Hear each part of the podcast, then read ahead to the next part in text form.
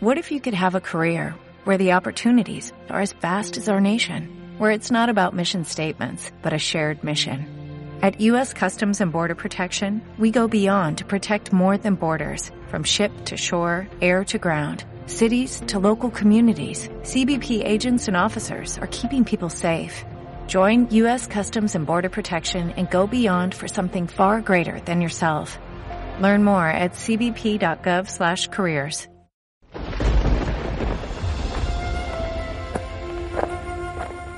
El Rai vos convida ara a creuar el llindar a Terra Llegendària.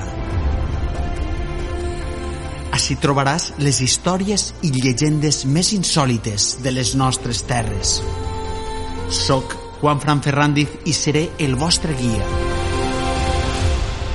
M'acompanyes? Endavant!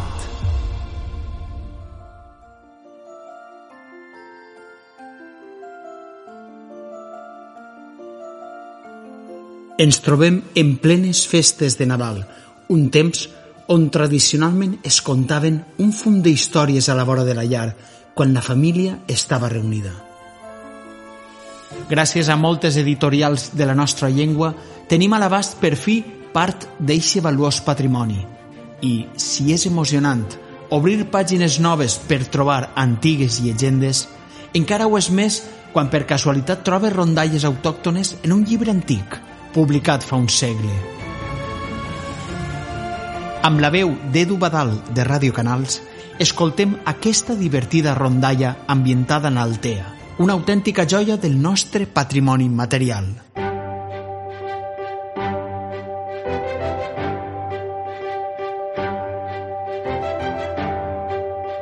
Aquesta insòlita història, no sabem si va passar de veritat, té una part en real o tot és invenció. Però el que sí sabem és que és antiga, pues ja es contava a les cases d'Altea a principis del segle XX i va quedar recollida al llibre de coses de la meua terra, publicat en 1920.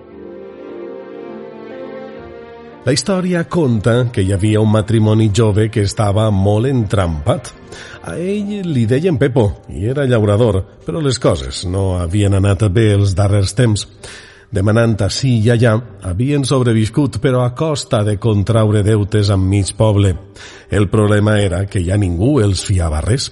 La dona no podia ni comprar una barcella de blat per anar al molí i sovint la fam eixia a passejar per la casa. Una nit que el matrimoni sopava quatre rosegons de pa i sardina salada, van decidir fer alguna cosa que poguera canviar la situació. Calia llevar-se els creditors de damunt i pensant, pensant, van tindre una idea.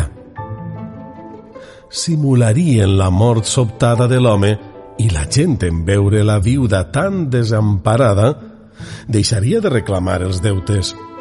Si la cosa no anava bé, podrien fugir a altres terres, potser a València o més lluny. Els dos se ho van prendre amb molt d'entusiasme.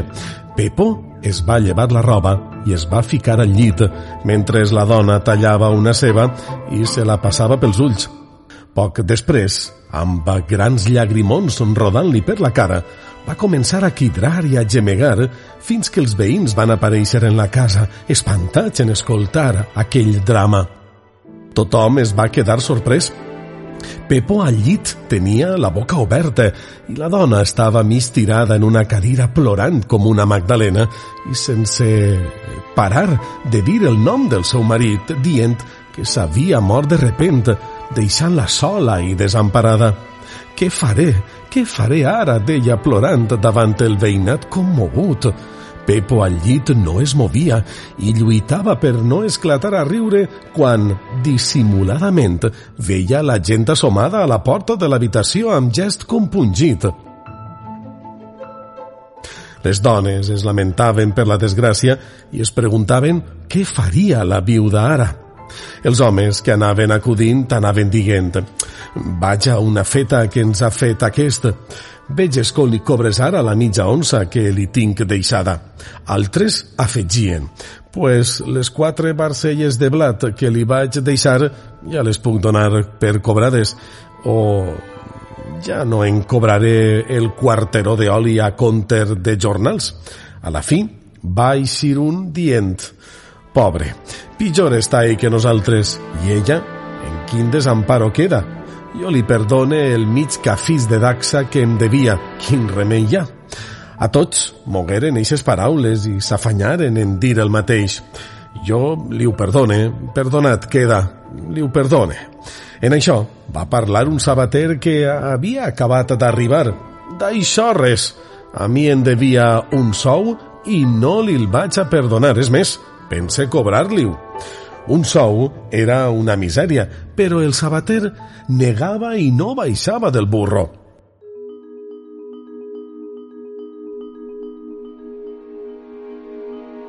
Poc després, degudament amortallat, segons costum, el portaren a vetlar a l'església. El posaren enmig amb ciris als cantons, posats en quatre canelobres negres.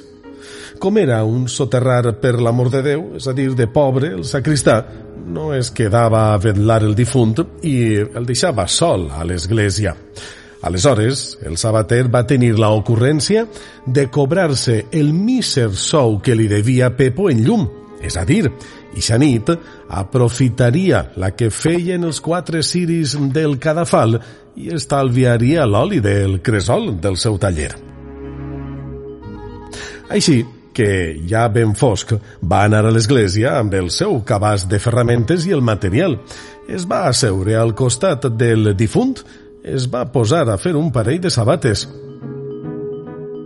El fals difunt va decidir no moure's gens, a veure si aquell àvar es donava a la fi per pagat. De sobte, a la mitjanit, es va escoltar un soroll a la porta. El sabater, temorós que fora un familiar que acudia a visitar el mort, ho va agafar tot i es va amagar dalt de la trona, el balconet que tenien abans les esglésies per a predicar. Però qui va entrar va ser una colla d'homes malcarats, fins i tot algun anava fumant-se un puro. Van rodejar el mort per aprofitar la claror dels ciris i van deixar un sac en terra. Va, repartint-nos el botí i fotem camp, va dir un. El sabater va deduir que eren lladres que després del robatori havien escollit la solitud de l'església per a repartir-se el que havien robat i no gosava moure's de la trona, pensant que si el descobrien acabaria com aquell difunt de cos present. El fals mort, Pepo, n'estava ben penedit, però l'únic que podia fer, si volia viure, era estar-se ben quiet. Resulta que el sac estava ple d'onces d'or i monedes de tota classe, una fortuna. Però, acabat el repartiment, resulta que va sobrar un florinet i aquells malfactors van començar a discutir. Els ànims es van encendre i no vas trigar en treure les faques per a reforçar els seus arguments. Aleshores, el cap de la quadrilla va dir «Qui ets tots? El florinet serà per a qui li clave la navalla en el cor al mort». L'ensurt que va sentir el fals mort quasi el deixa estés de veritat. Aleshores, va obrir un poc el parpall i va veure que un lladre, amb la cara tallada, ja estava damunt d'ell amb la daga alçada. Llavors, sense pensar-se-ho, es va alçar del cadafal i, assegut amb els braços en creu, va cridar a tota veu «Ànimes dels morts que estan ací, acudiu totes!» El sabater, que va veure la possibilitat de sortir-ne, va llançar de dalt de la trona el cabàs amb totes les ferramentes i enmig de tot el soroll va engolar la veu i va cridar «Ara anem-hi totes!» Els lladres, presos del pànic davant el soroll i la veuassa, van arrencar a córrer eixint de l'església com si mil esperits els perseguiren, oblidant-se del valuós botí. Aleshores, Pepo i el sabater, després de creuar unes paraules, van decidir que tota aquella riquesa els vindria de perles i, sense perdre temps, es van posar a repartir-se'l. Els lladres van estar una bona estona corrent, però a la fi els entraren dubtes. Havien deixat el preuat botí en l'església. Un va dir que mentre sortia per la porta li havia paregut veure al mort baixant del cadafal, molt viu per cert, i a un altre en la trona. Renegant van decidir que allò calia aclarir-ho, pues no anaven a perdre tan fàcilment el botí. Però mentre tornaven, a poc a poc, els entraven els dubtes. Encara tenien la por al cos. Un deia que aquell rebombori de metalls i fustes sols el podien haver fet tots els morts que hi havien soterrats a l'església. El més malcarat afirmava que amb els vius el que fora, però que amb els morts era altra cosa, calia anar amb compte. A la fi, el capità, també un poc inquiet, va dir «Acostem-nos almenys a la porta i ja veurem el que passa». Així ho varen fer. Fora tot era silenci. Ells creuaren la plaça fins la porta molt espai, temorosos. Aleshores van escoltar una veu malhumorada que deia «Vinga, dona'm el meu sou». Aleshores, un dels lladres tremolant i amb els ulls com a plats, els van dir als seus companys aquestes paraules. Mireu, si en són que han eixit a un sou cadascú. Anem-se'n lleugerets. I així va ser com el sabater i el pobre Pepo es van quedar tot el botí. Mireu, si a voltes la cabuderia, la cabuderia d'algú, no és de profit.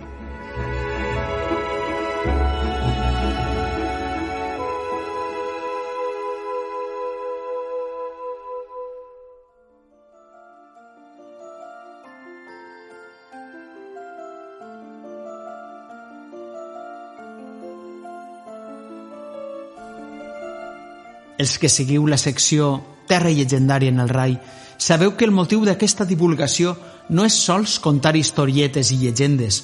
També volem conèixer d'on venim, compartir reflexions i buscar el tresor que moltes d'elles amaguen ocult. De vegades lliçons i altres voltes perles sanadores que els nostres majors sabien captar. Però no hi ha res més sa que riure's i convertir els problemes en situacions divertides per alliberar-se per una estona del pes de la duresa de la vida. Precisament aquesta divertida rondalla té eixa funció i es contaria en nit com la de Nadal, vora la llar, per arrencar somriures a tota la família. És del tipus friend of a friend, és a dir, allò de a l'amic del meu amic li va passar una cosa increïble que ara veureu siga com siga, trobar-la a la seva publicació original a 1920 i trobar-la escrita en un valencià, tal i com es parlava llavors, en Altea, emociona per la seva frescura i originalitat. Per això, en Terra Llegendària l'hem escollida com a felicitació de les festes i última peça de l'any, amb el desig de prosperitat per al 2023, tant per a l'equip del RAI com per a tota l'audiència i la gent que ens segueix al podcast i que les històries, les històries valencianes ens acompanyen per a fer-nos més rics. Això és Terra Llegendària. Feliç any nou i gràcies.